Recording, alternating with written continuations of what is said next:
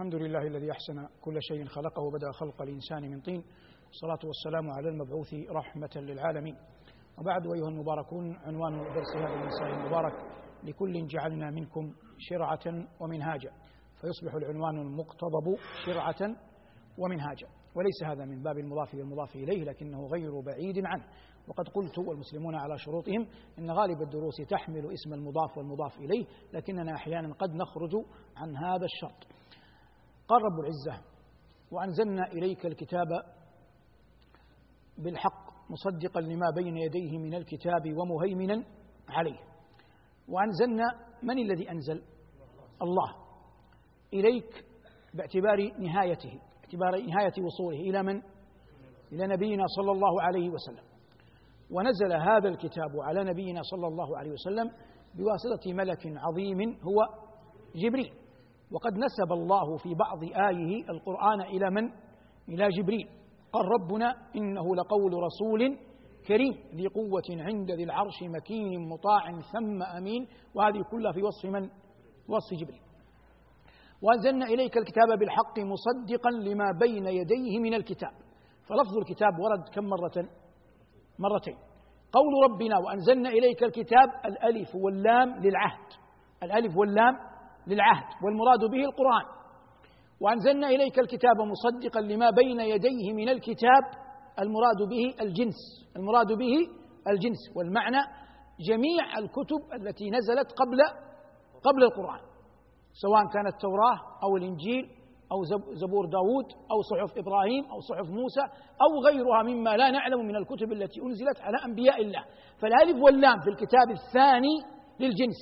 والألف واللام في الكتاب الأول للعهد. أي عهد؟ عهد ذهني. عهد ذهني لأن العهد عهدان. عهد لفظي وعهد ذهني. وأنزلنا إليك الكتاب بالحق مصدقا لما بين يديه من الكتاب ومهيمنا عليه. كلمة مهيمن اختلف العلماء فيها. لماذا اختلفوا؟ لأنه لا يعلمون فعلا ثلاثيا مجردا من اسم الفاعل مهيمن. واضح؟ لا يعلمون فعلا ثلاثيا مجردا والأصل في اللغة السماع لهذا الاسم الفاعل. لأنهم لا يعرفون في اللغة اسم فعل همن ما يوجد في اللغة شيء اسمه همن لكنهم يقولون إن هيمن لها أوزان مشابهة لها. فيقولون بيقر في العربية بمعنى خرج من الحجاز إلى الشام. ويقولون سيطر بمعنى قهر. بمعنى قهر. ويقولون هينم بمعنى قرأ أو دعا. لكنهم قالوا بهذا اللفظ الذي جاء منه اسم الفاعل أو تقول صفة مشبهة لم يرد. لكن المعنى العام مهيمنا عليه قال بعضهم عال عليه وبعضهم قال حفيظ عليه وبعضهم قال مؤتمن عليه. وهي معان قال بها سلف الأمة وهي متقاربة جدا. والمقصود أنه ما من شيء في الكتب السابقة التي أنزلت على الرسل من قبل نبينا صلى الله عليه وسلم إلا والقرآن محتو على ما هو مثلها أو اعظم أو أعظم منها. على مثلها أو ما هو أعظم منها. هذا الذي ينبغي أن يستقر في الأذهان في مثل هذه المعاني. ومهيمنا عليه. فاحكم بينهم. الأصل بين المؤمنين. لكن اليهود حصل عندهم قضية زنا. ثم إنهم أخفوا الحكم الذي في التوراة وهو الرجم خوفا من أن يرجموا بعض ساداتهم. فقدموا إلى النبي صلى الله عليه وسلم يسألونه. رجاء أن النبي عليه السلام لأنه لن يحكم لهم بالقرآن يواطئهم. فغلب على ظنهم أن النبي سيغلب على ظنه أن مصلحة الإسلام تقتضي موافقتهم وإرضاءهم. ولم يدر في خلدهم أن النبي لن يقبل هذا وسيقول الحكم الشرعي الذي أنزله الله عز وجل في كتابه وعلمه نبيه وهو الرجم. ظاهر الآن فلما أخبرهم النبي أتوا أمر الله نبيه أن يحكم بما بما أنزل الله. وقال ولا تتبع أهواءهم عما جاءك من الحق.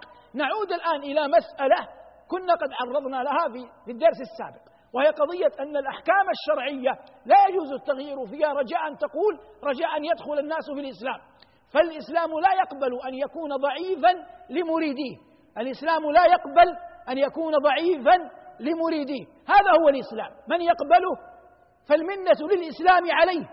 ومن لم يقبله فهو الذي خسر نفسه. واضح؟ هذا هو الإسلام. من قبله فالمنة للإسلام عليه. يمنون عليك أن أسلموا؟ قل لا تمنوا علي إسلامكم بل الله يمن عليكم أن هداكم للإيمان. واضح؟ فالمنة لله ولرسوله. وشرف لأي أحد أن يدخل الدين. لكن لا تأتي للدين تزعزع أركانه ثم إنك بعد ذلك تريد بعد ذلك تريد أن يدخل تقول رجاء أن يدخل الناس فيه. وفرق ما بين التعامل والأخلاق والتعايش ما بين أحكام الإسلام. وقد نبهنا في الدرس الماضي أن التعايش أمر ممكن لكن لا يتعلق بأحكام الشرع. أما أحكام الشرع ما حرمه الله ما أحله الله فلا يمكن أن نتنازل عنها أو نقبل شيئا من التغيير فيها رجاء أن يدخل الناس في دين الله. واضح؟ لأنهم لو غيرنا ودخلوا الناس لا يعتبر أنهم دخلوا في ماذا؟ في الإسلام دخلوا في الشيء الذي نحن ابتكرناه الذي جعلناه لهم وهذا ليس بدين ولا يملك أحد كائنا من كان أن يغير في الدين رجاء أن يدخله الناس لكن عندنا طريق آخر وهو أننا نأتي في الأخلاق في التعامل فنبين الصورة المثلى التي جاء بها الإسلام وأعظمها التعايش بين الناس فنقدمها للناس رجاء أن يدخل الناس في في دين الله ولا نكلف أكثر من هذا. ظاهر؟ قال ربنا فاحكم بينهم بما أنزل الله ولا تتبع أهواءهم عما جاءك من الحق. لكل جعلنا منكم شرعة ومنهاجا. شرعة ومنهاجا على اختلاف أهل اللغة فيها في بيان معناها. لكن الذي استقرت عليه كلمة أهل التفسير معنى شرعة ومنهاجا سنة وسبيلا. سنة وسبيلا. وهذا قاله كبار الأئمة من الصحابة كأبي بن كعب وكابن عباس وغيرهما رضوان الله تعالى عليهم أجمعين. والمراد الأصل في اللغة كلمة شريعة تطلق على ماذا؟ على الماء. الماء الجاري يسمى شريعة.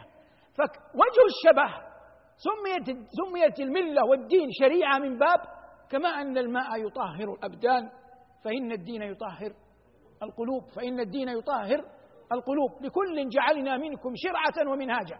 لكل هنا في تنوين. هذا التنوين تنوين عوض تنوين عوض عوض عن كلمة.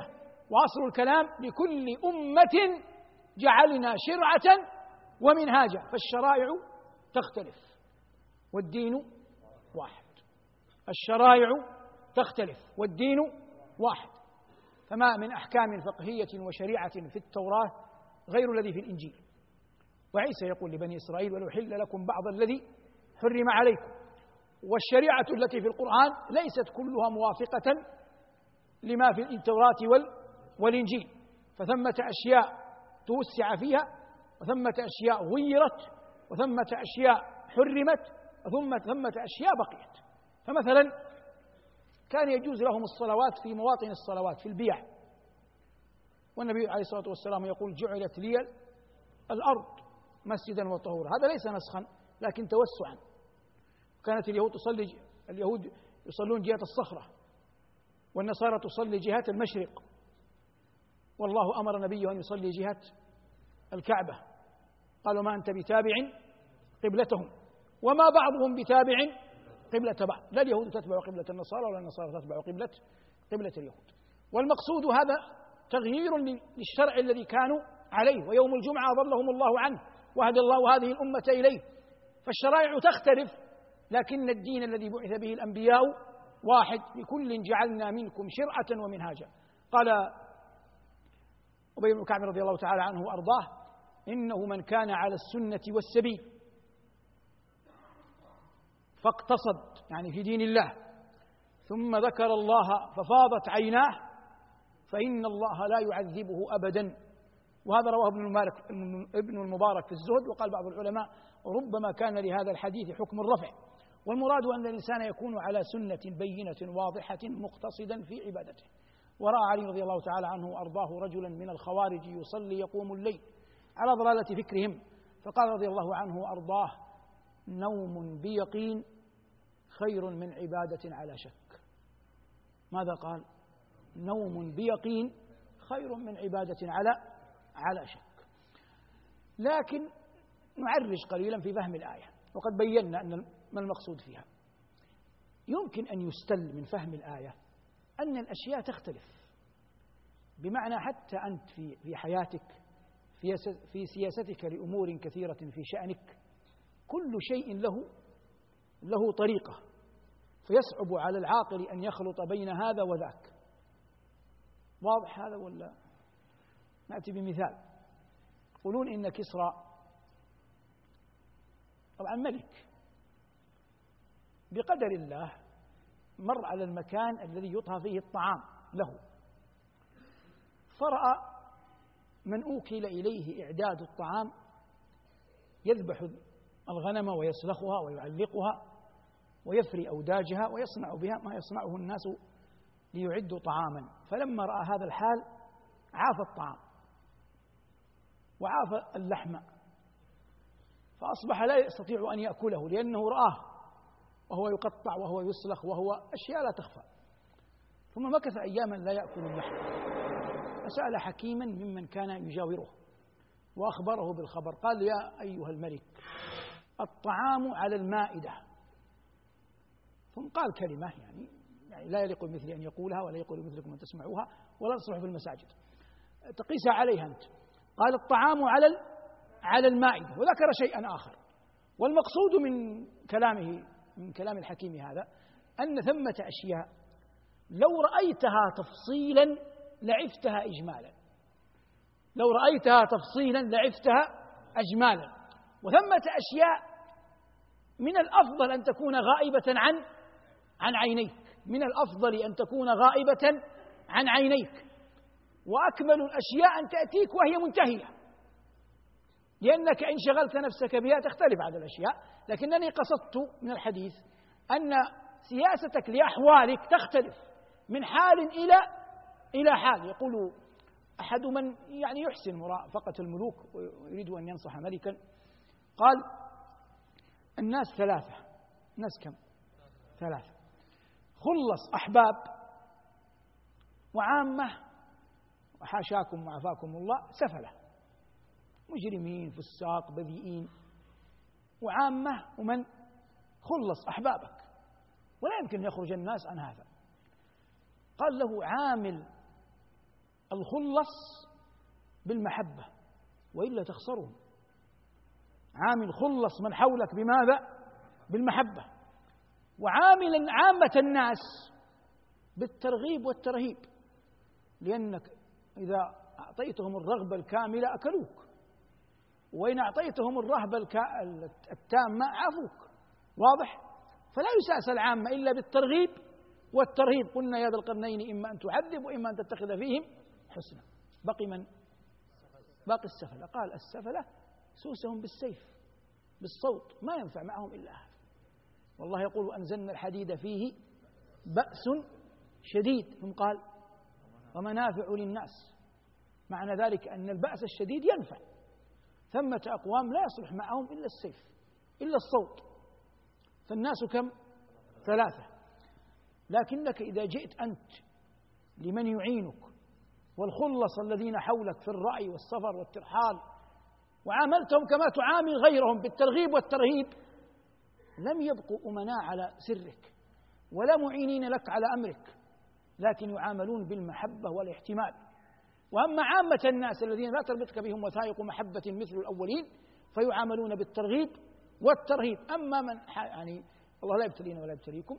من يبتلى بالسفلة من الناس؟ نقول إذا كان حاكما عليه بالصوت والسيف.